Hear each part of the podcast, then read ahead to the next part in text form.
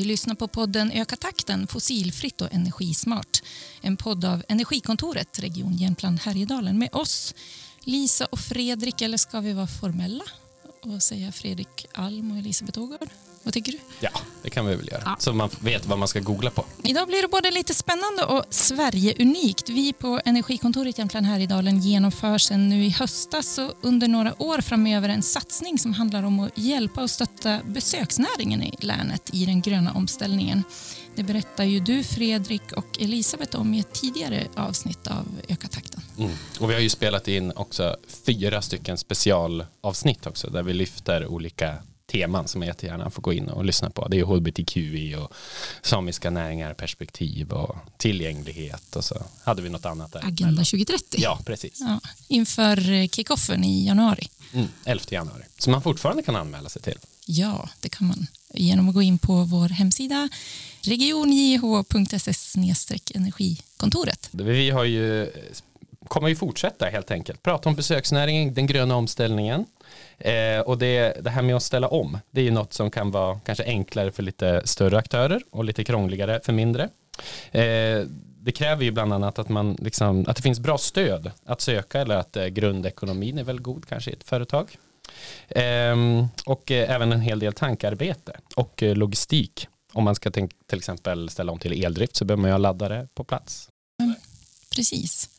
Och eh, vi hann ju knappt dra igång vårt arbete i höstas innan den här nyheten om Åreguidernas satsning på att investera i elskotrar nästan kan man säga briserade i länets medier.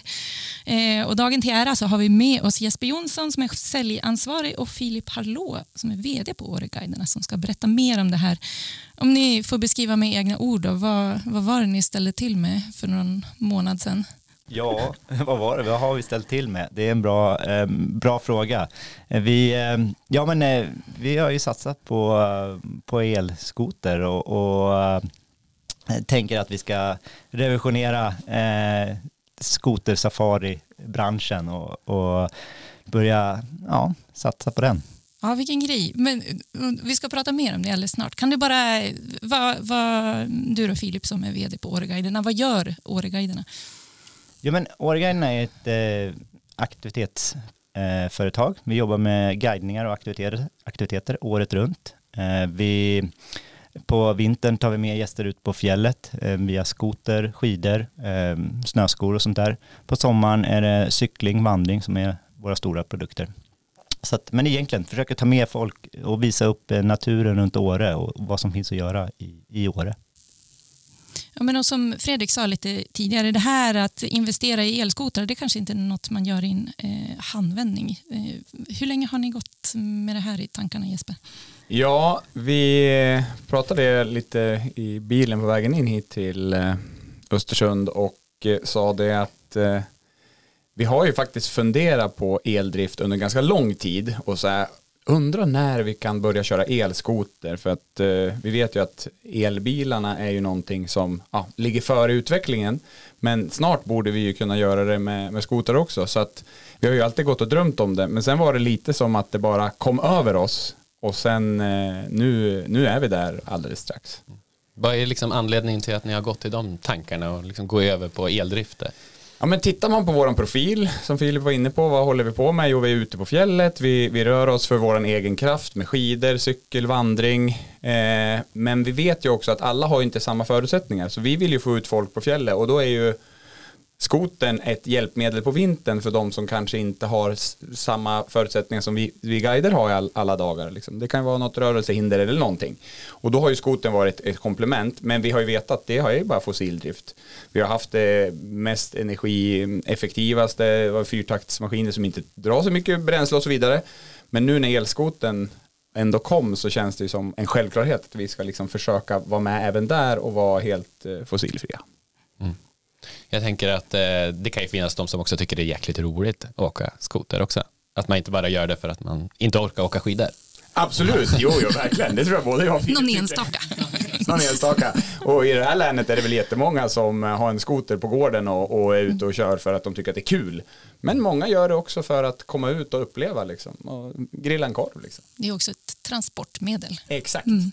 Men du Filip sa att, eh, att ni ville revolutionera eh, turismbranschen. Det är ganska stora ord ändå. Varför, varför använder ni, varför, varför säger ni så?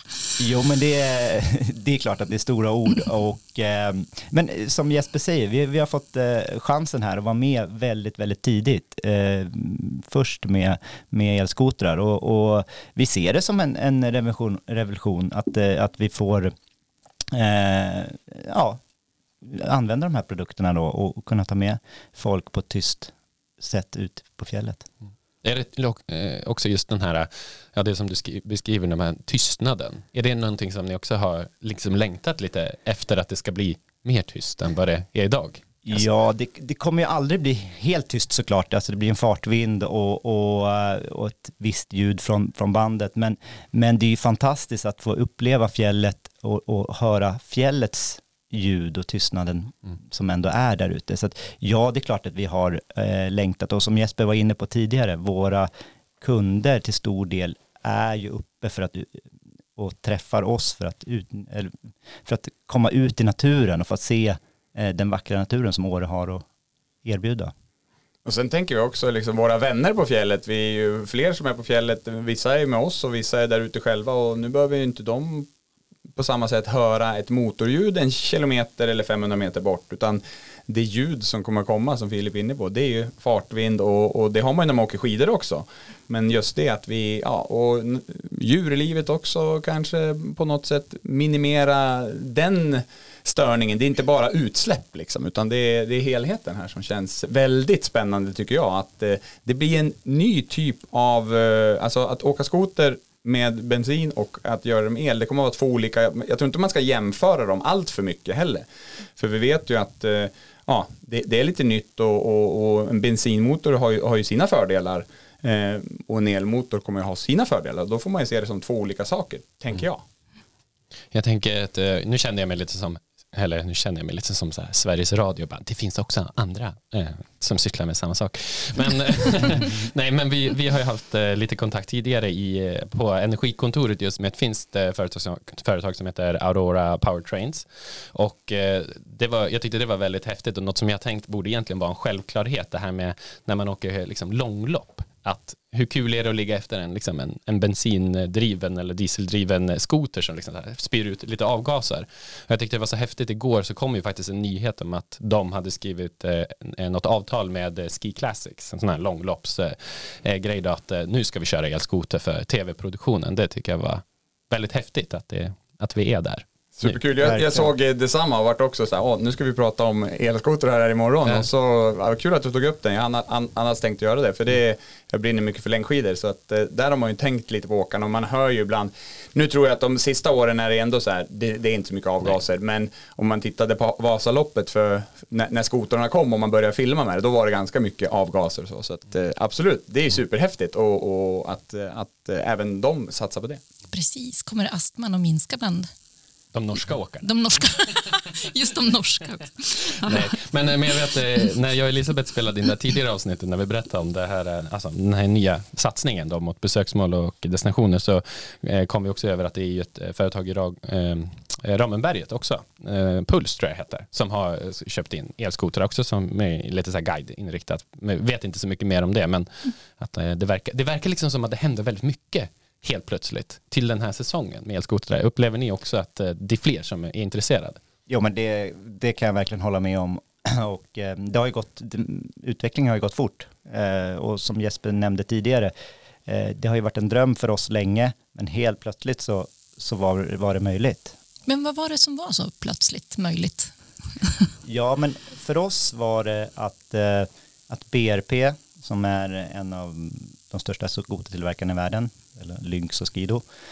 Eh, egentligen, vi var med i ett, eh, i ett eh, medlems, eh, ett society, en, en utvalda ut, aktörer eh, har fått, eh, ja, de har valt ut speciellt utvalda aktörer eh, och där vi har varit med och via det, Uncharted Society, så fick vi då möjligheten att, att vara en av de första här då. Vi är tolv utvalda i, i världen som, eh, eh, som, som, som fick möjligheten.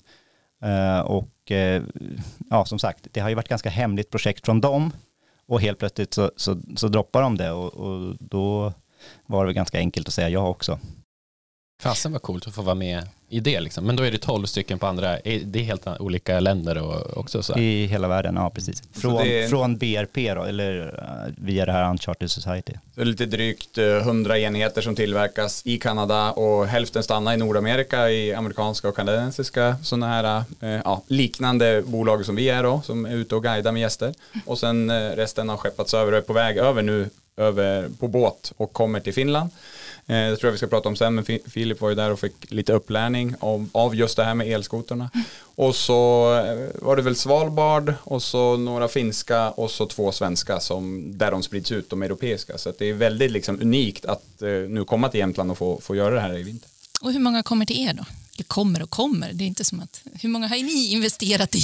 Vi har investerat i nio stycken eh, och, och tanken med det, eh, det kanske inte är jättemånga, men vi har ju haft 20 skotrar eh, och, och nu är, blir det ungefär hälften som, som blir eldrift på. Eh, nio är ett bra antal för oss för att eh, vi kör grupper ofta med upp till åtta skotrar och en guide. Så då, därför har vi valt just nio. Eh, Just det. Men det är ju också en ganska styv investering. Vad har liksom, eh, hur kommer det sig att ni har eh, vågat ge er på det här? Det kan vi ju vara ärliga med att de sista, framförallt två somrarna har vi haft det ganska tufft. Det har ju varit en efterpandemieffekt, det där känner ni ju till liksom. Så att besöksnäringen har ju haft lite tuffare nu i två somrar. Så att det var ju också i ett läge liksom när vi fick frågan, okej, men vi känner att man måste ju gasa lite grann för att vinna och vi vill vara i brä- brä- bräschen och som Filip nyss förklarade med att vi, vi fick möjligheten för att vi var med i den här communityn med, med några utvalda och då kände vi att nu kör vi. Eh, vi testar det här nu i, i liksom två år och tror att det är framtiden men vi vet inte heller. Så det är lite så här att vi slår tärningen men eh, jag tycker det är superintressant. Och vi hoppas också att, ja, som du var inne på tidigare, att vi, vi liksom blåste upp det, det är nyhet, vi revolutionerar, men vi vill ju också att folk ska veta om att den här möjligheten finns. Och det kan ju kanske våran vanligaste gäst är ju någon som kommer kanske från Mälardalen och upp till Åre på besök och testa skoter. För att många här i Jämtland redan har en skoter, men vi vill ju att jämtlänningarna också ska komma liksom och provköra en elskoter, hur är det? För att de kanske i framtiden ska skaffa en själv. Mm. Om jag bara liksom går till mig själv så har jag, jag har ju varit en sån som jag menar varit uppe på fjället i, liksom med, med, i långsam takt om man säger så med, med skidåkning och sådär. Och skotrar för mig har aldrig varit någonting som liksom har lockat för att det har vätsnats och det har liksom blivit avgaser det har liksom aldrig tilltalat mig. Jag har mer tänkt så här men varför? Vad håller man på med? liksom. Men det här nu, nu börjar det liksom kittla lite grann. Och så här, jag var i stugan liksom, här i helgen och det var så mycket snö. Jag tänkte, mm, ja, kanske ändå en liten elskoter hade varit lite trevligt nu helt plötsligt när det liksom, ja, de här eh, möjligheterna. Tror ni liksom att man kan nå en helt annan typ av målgrupp om man har elskoter? Ja men det hoppas jag. Det hoppas jag verkligen och precis som du, du nämner här så, så tror jag att, eh, att vi kan nå de som, eh, som har varit lite skeptiska till, till skoteråkning och sånt. Men Jesper eh, hintade ju lite tidigare om att du har varit i Finland och eh, provkört det här. Jo men eh, Rovaniemi har jag varit uppe i. Eh, där ligger fabriken eh, för Lynx eh, snöskotrar. Eh, så jättespännande och häftigt att bara få vara i eh, den stora fabriken och, och, och så. Och, och jag ska säga det också, det är väl det som är extra kul med det här samarbetet och känns väldigt hedrande. Det är att de har ju satsat jättemycket på oss också. Jag får vara uppe där en vecka, eh, gå en utbildning om egentligen högspänningsfordon, alltså high voltage vehicle, eh, eh för att kunna ta hand om de här skotrarna, vilket jag egentligen så gör inte vi, tidigare har vi inte gjort så mycket sånt och vi kommer inte göra det heller. Vi har jobbat med en aktör här i Östersund som heter Oktan, som är kanonbra och liksom hjälper oss med allting. Och de kommer självklart fortsätta göra det, men nu fick vi också möjligheten att lära oss lite mera och hur tar man hand om det här och eh, vad händer vid en olycka och sådana där grejer. Det är ju det är egentligen en bilinspirerad, elbilsinspirerad kurs. Just det. Vad, tog du med, vad var liksom det viktigaste du tog med dig därifrån? Då? Ja, massa grejer, jag lärde mig massa eh, nytt om elfordon. Men eh, absolut, vad händer vid en olycka och det där, men också att jag fick eh, testköra skotrarna eh, och, och, hela, hela grejen. Äntligen fick jag ju liksom klämma och känna ordentligt på dem och skruva, skruva, ner, skruva dem ner till liksom, ta bort varenda skruv och sen sätta ihop igen. Du och, och Magnus och Noctan, ni hittar ju också lite så utvecklingsmöjligheter på mm. nu när elskoten ser lite annorlunda ut än bensinskoten med lite utrymmen under chassit och sådär när ni gick ner där. Jo men exakt, det, det här har ju gått fort i utvecklingen för dem också eh, och eh, Eh, precis som på en, en elbil så har ju helt plötsligt öppnats eh, möjligheter att ha bagageutrymme fram. Mm. Det gör ju på den här skoten också. Eh, det är väldigt häftigt när man plockar bort eh, plastkåpor och sånt på, på en elskoter. För att det är inte så mycket delar. Det är ett batteri, det är en motor, det är en värmare. Det, liksom, det, det är, eh, finns många eh, utrymmen som man kan göra andra grejer med nu helt plötsligt. Just det. Nej, för att eh, vi spelade ju in eh, ett avsnitt här som jag var lite inne på i början om, om samiska näringar och perspektiv och då pratade vi en hel del om skoten ändå och så och eh, för dem eh, som liksom med renskötseln och så använder skotern som arbetsredskap liksom, så var de väldigt angelägna om att jo, men vi vill ha lättare skotrar och liksom att är det rätt steg då att gå mot elskotrar? Hur, blir de tyngre elskotrarna nu? Nej, inte avsevärt. Eh, det är klart att batteriet väger på ett annat sätt, eller batteriet väger, det är det som väger. Mm. Motorn är ganska liten, eh, men de skotrarna som vi har kört tidigare och eh, jämför vi den med elskoten här så, så är det samma vikt, eller elskoten till och med lite, lite lättare. Mm. Sen kommer det dröja, vi ska säga också att det här är ju en ledskoter, den är liksom gjord för vårat ändamål egentligen. Den är perfekt eh, liksom framtagen för de här tolv uthyrarna som gör precis det som vi gör. Så att den, den är ju anpassad för, för vår typ av verksamhet. En renskötare använder ju skoten på ett helt annat sätt. Så att jag ska säga det, tar, det kommer nog ta tag innan skoten är, att innan elskoten är anpassad för dem. Eh, för det är svårare skulle jag säga. Man kan väl jämföra med att eh, jag menar, elbilarna, de första, det kanske var inne i staden, lite kortare räckvidd, lite flackare terräng, medan nu finns det ju fyrhjulsdrift och man kan köra dem överallt liksom, och bra på vintern. Eh, skoten kommer ju vara bra på vintern men det finns ju allt från renskötarens åka över flera fjäll på samma dag i lössnö och, och branta sluttningar till att åka på en väl preparerad skoterled. Bara så att man får med sig mm. det.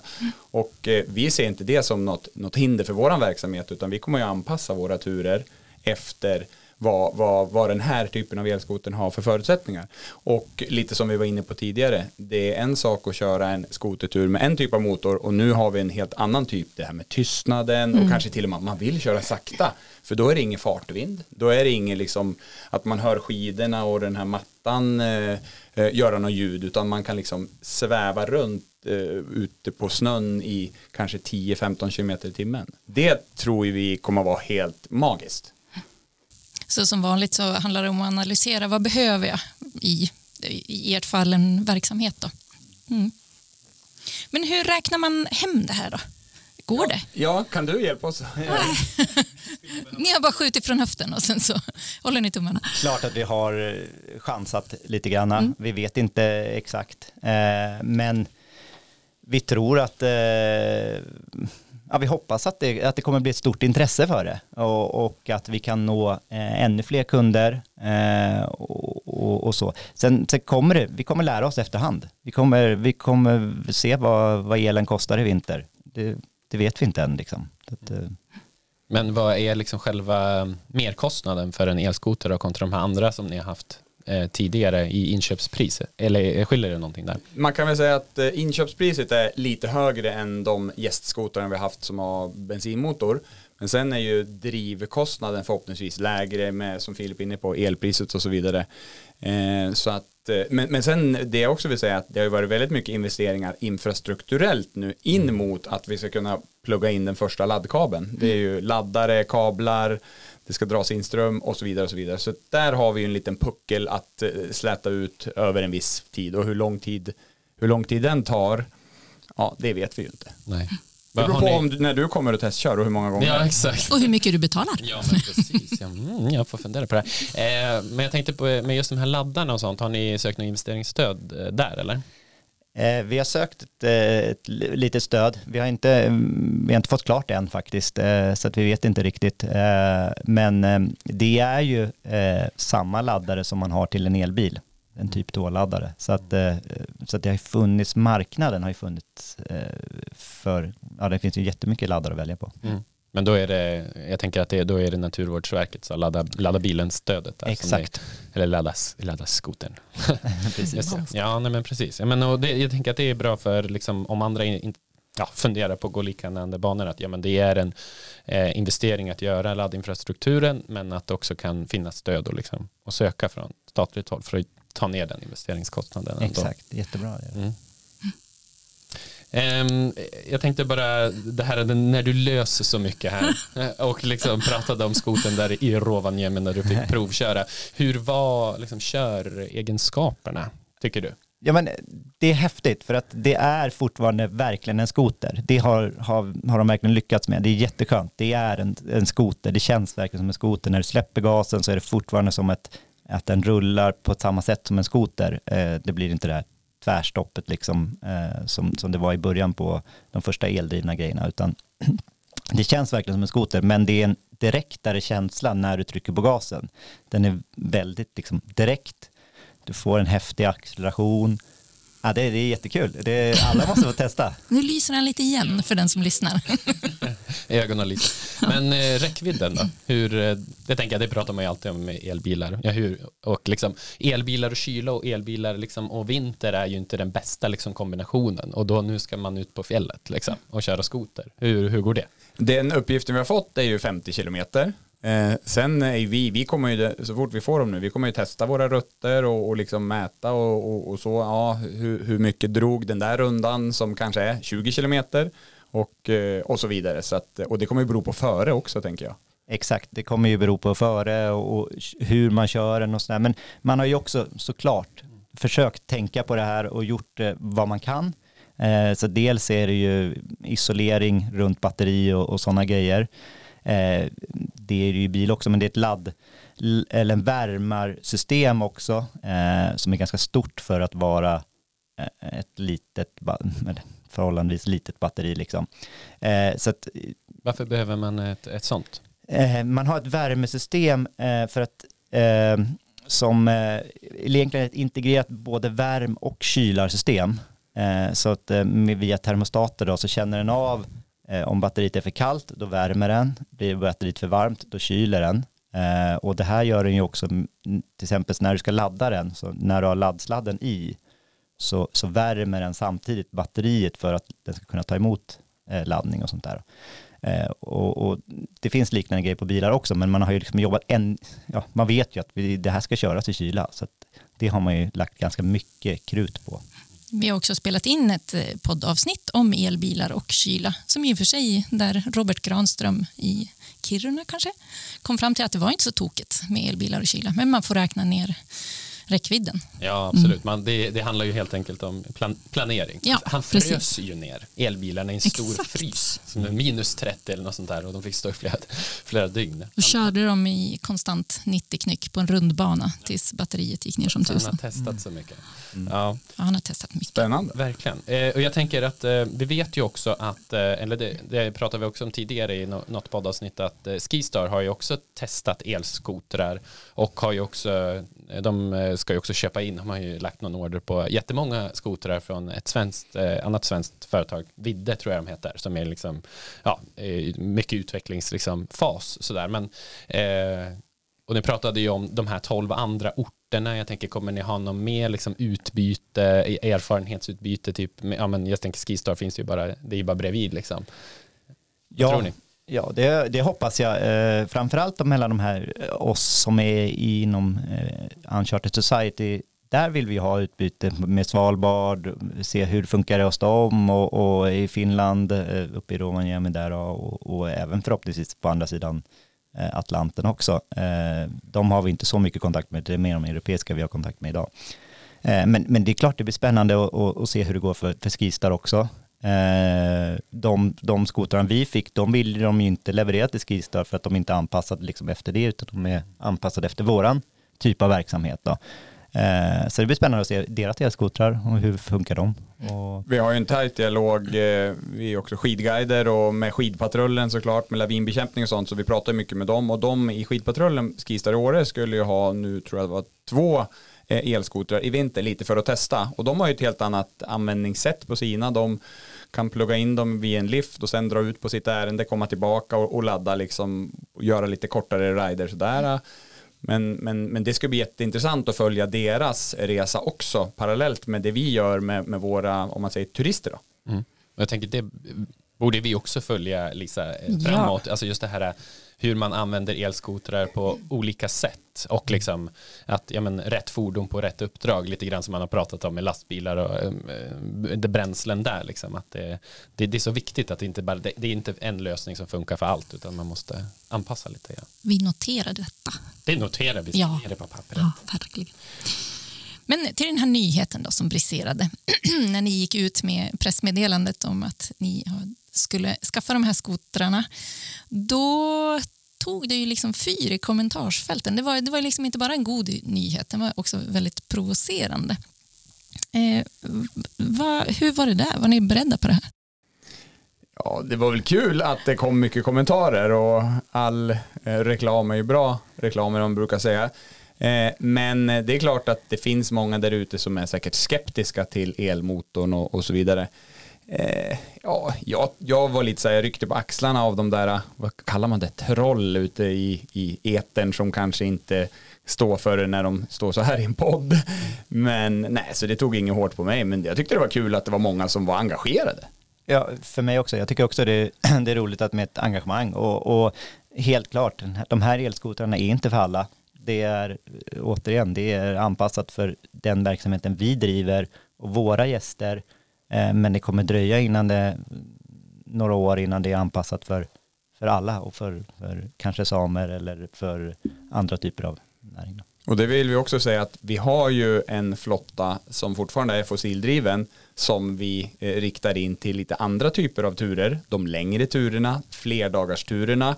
för som det ser ut idag, vi har en laddstation vid våran skoterbas, men åker vi eh, tre, fyra mil eh, norrut till, kommer till en, en plats till, som man bara tar sig med skoter, då finns det ju inte en, vi förväntas ju inte en elladdare där eller en billaddare som vi kan eh, jacka in i, utan vi får ju planera utifrån det. Så då är det ju bensinskoten tills det nätverket någon gång i framtiden kanske utbyggt även för skoterlederna, att det finns lite laddare här och där, men det är inget vi vet om idag. Liksom. Alltså det var ju en del farhågor i det där kommentarsfältet om att Åh, ni kommer att bli kvar ute på fjället. Ska ni ut med bensinskoter för att så här, frakta hem elskot? Vad, vad säger ni om sånt? Kommer det att funka? Eller är ni också rädda för att bli eltorsk på fjället? Det ska bli jättespännande att, att få testa det ordentligt nu eh, och, och köra vi, vi vet lika lite som de som kommenterar egentligen. Alltså jag, mm. klart jag har testkört, men, men, men att testköra och sen få ut det i verkligheten, det är skillnad. Så det är klart att det kommer bli spännande, det kommer bli jättemycket utmaningar. Någon gång kanske vi blir fast på fjället, vem vet. Men jag ser inte, efter det jag har kört och det är så här, då, då ser jag inte jättestora problem. Utan vi har väldigt bra koll på vad vi kör. Vi vet ju, vi kör ju även om vi blandar rutter så har vi ändå, vi kör i närområdet. Eh, och, och, guiden som, vi har alltid en guide med, vi hyr ju aldrig ut en skoter utan vi kör ju bara guidade turer. Så att mm, vi kommer ju ha koll på, på skotrarna. Vi kommer lära oss ganska snabbt också hur de funkar. Mm. Och när, och när det kom till oss eh, förra vintern, då började vi direkt bli ännu noggrannare med att mäta liksom, hur lång är den här rutten. Vi har ju våran liksom, två timmars tur där vi stannar och fikar. Den kommer vi göra med elskoter, men det kanske vi väljer, ja men vi kör inte den där superkuperade varianten nu i början förrän vi vet hur det funkar och så vidare och så vidare. Så vi har ju börjat tänka på det här och vi vet att vi måste preparera lederna lite mer och vara lite noggranna med det för att eh, vara på den säkra sidan och som Filip är inne på, vi får testa oss fram och förhoppningsvis så känner vi att om de här kanske till och med klarar mer än vad vi trodde. Så att eh, det kan ju bli den uppsidan också en liten förtröstan från, eller som kom från det här poddavsnittet med Robert Granström som frös ner bilarna var ju att han var ju väldigt förvånad över hur eh, säkert de startade. även i minus 37. Så, så bara drog elbilarna igång. Och det kanske inte alla fossildrivna bilar gör. De hostar i alla fall lite. Hårt. De hostar lite, som du Lisa. ibland. Ja, exakt som jag. Ja, exakt. Men jag, tänker, jag tycker att det är väldigt eh, bra, trevligt att höra liksom att även fast eh, ja, det här kommentarsfältet ändå blev ganska stort och det var många som var lite mer negativa att det kanske inte, det har inte, verkar inte ha tagit så hårt på, på er i det här fallet. Eh, och det, det kan ju vara skönt att veta, för ibland blir, vet, vi kan ju bli lite så, kommer folk bli avskräckta nu, liksom Mm. andra aktörer för att man ser det här kommentarsfältet, men Mm men det känner liksom inte ni, om, om ni blickar framåt så här, nej men vi vågar inte göra något mer sånt här för då kommer det bara bli.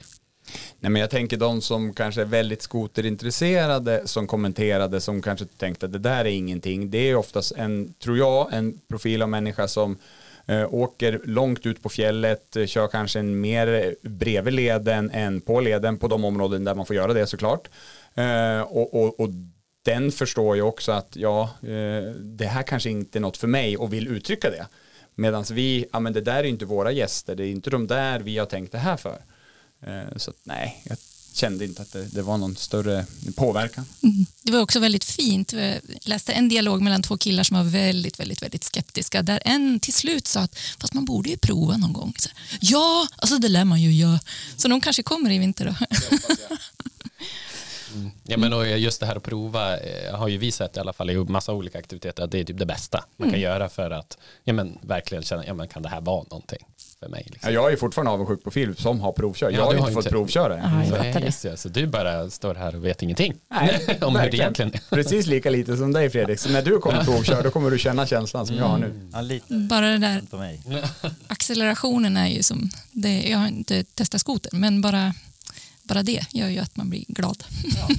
Men hur är det då när man, en, en kanske dum fråga, men när man är liksom, eh, kör sina guidat ut, då behöver man inte ha körkort. Alltså, Nej men exakt. Eller jo, körkort Ja, måste du ha, okej, men inte skoterkörkort. Precis. Eh, det räcker med ett körkort från eh, Transportstyrelsen, men du behöver inte ha skoterkörkort. Utan eh, vi ser till, vi får ha tio gäster eh, med oss. Eh, vi har valt att eh, ha, hålla det till åtta för att eh, över åtta känns som det, det blir för rörig grupp.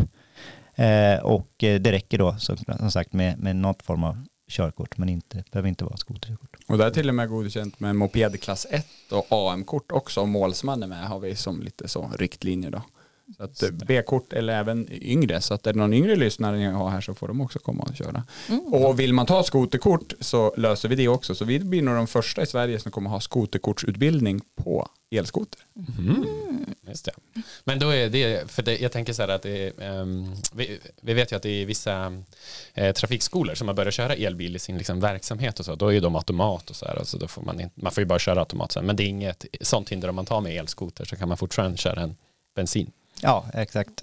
Det, det som, som jag sa tidigare, det, det känns väldigt tryggt också att det är precis en vanlig skoter. Alla reglage är, är exakt samma som, som på bensinskotern och allting. Så det, det är egentligen bara motorn och batteriet som skiljer. Jag tror nästan att om man sätter en person på en bensinskoter och inte slår på den och en elskoter så är det nog svårt för den om den inte börjar läsa vad det står elskoter att se skillnad. Så skulle jag tänka. Absolut. Så att vi kommer att testa dig när du kommer och kör. Sätter det på morgon. Ja men och vi har ju, vi har ju pratat lite grann Lisa om att vi kanske ändå vill försöka följa upp det här lite grann. Ja, Blev men det det en massa elskotrar stående på fjället Precis. eller hur blev det egentligen? Så att eh, vi, vi hoppas att vi kommer prata med er mer liksom, Ja, vad framo- framöver. Eh, jag tänker vi på Energikontoret, vi jobbar ju mot det här målet om fossilbränslefritt eh, län 2030 och mycket ja, fossilbränslefritt och då, då tänker man ju kanske bara bränslen men det handlar ju om hållbarhet i stort. Och nu satsar ni på elskotrar på ett bräde byter ni ju ändå ut hälften. Så att det, det är ju en ganska bra reduktion av liksom användningen av fossila bränslen. Eh, men hur tänker ni i övrigt liksom, i er verksamhet just kring begreppet liksom hållbarhet och hur Ja. arbetar med det, Ja, jag det annars? tänker hållbarhet är ju ett väldigt brett ord. Det är ni ju båda medvetna om. Jag tror vi alla är medvetna om det. Och en grej som vi tänker mycket på det är ju hållbarheten för oss och våran personal. Att vi liksom dels eh, vågar ha flera anställda. Vi har precis anställt en, en, en sjätte person hos oss som jobbar helår. Liksom. Det är ju trygghet för den personen och så vidare. Hållbarhet. Vi försöker liksom sätta guiden, liksom vår personal i första rummet och, och se till så vi gör aktiviteter för oss själva också. Så det är mycket hållbarhet som vi pratar om som jag tänker som kanske står ut lite i branschen. Ofta kan sådana aktivitetsbolag vara lite att man är en, två som driver det och sen tar man in personal när man har aktiveringar. Men vi ser lite annorlunda där för att ha hållbart klimat så. Ja men exakt. Och, och som du börjar med att säga Jesper, där, hållbarhet är, det är en väldigt stor eh, fråga. Eh, och för oss, allt vi gör bygger egentligen på, på, på hållbarhet. Vi, vi måste ta hand om naturen till exempel, för det är den vi visar upp. Eh, och, och, så sen har vi gjort det tidigare med, med vanliga skotrar. Eh, men det har ju också gett en, en, möjlighet för många att komma ut och få se naturen och få se kanske varför vi ska alla ta hand om naturen och, och jobba hållbart. Eh, så det har ju varit en stor grej för oss. I, i, i hållbarhet är, liksom, det, det, är inne i oss hela tiden känner jag. Det, allt vi gör eh, måste vara hållbart. Eh, så det är klart, det är med. Och på vintern kanske det inte syns lika tydligt, men på sommaren så är det ju också en hållbarhet i när vi gör avtryck ute på fjället i naturen. Det pratas ju mycket om, om den typen av hållbarhet och där är vi väldigt eh, eh proaktiva att man ska ordningställa lederna och lägga spång eller, eller så för att att eh, vi, vi ska kunna visa upp den fina naturen vi har utan att det ska ge så mycket spår i, i terrängen. Och det har ju varit en lång diskussion och är ju fortfarande och kommer att vara under lång tid där vissa hävdar som kanske äger marken eller, eller har rätt i marken att nej här ska det inte vara några människor så då ska vi inte göra ordning lederna. Men vi vet ju att människor kommer komma dit, kanske inte via oss utan själva och då blir det ju ett slitage som kanske man hade kunnat förhindra och det är en hållbarhet i det också så det är något som vi också verkar mycket för att hållbar liksom ledstruktur oavsett om det är cykling, vandring eller löpning. Vad skulle ni säga är den största utmaning? Någonting om man tittar liksom framåt. Är det klimatfråga, om ni lever på snön, liksom, ni måste, eller ja, na naturen? Ja, svårt att säga vad som är nummer ett i utmaningar. Eh, klimatet är ju en, vi, du nämner vi, vi lever av snön, men vi, vi lever ju också av barmarken, så att det är väl att vara lite i, i den frågan flexibel och tänka att ja, men ska vi börja cykla tidigare och cykla längre eller, eller vad det nu Sen just den här vintern så märker jag inget av det att det är mindre snö. Det är mm. snarare tvärtom.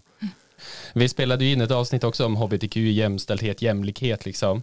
Eh, och vikten av eh, representation typ i sin kommunikation. Eh, hur känner ni att ni jobbar där?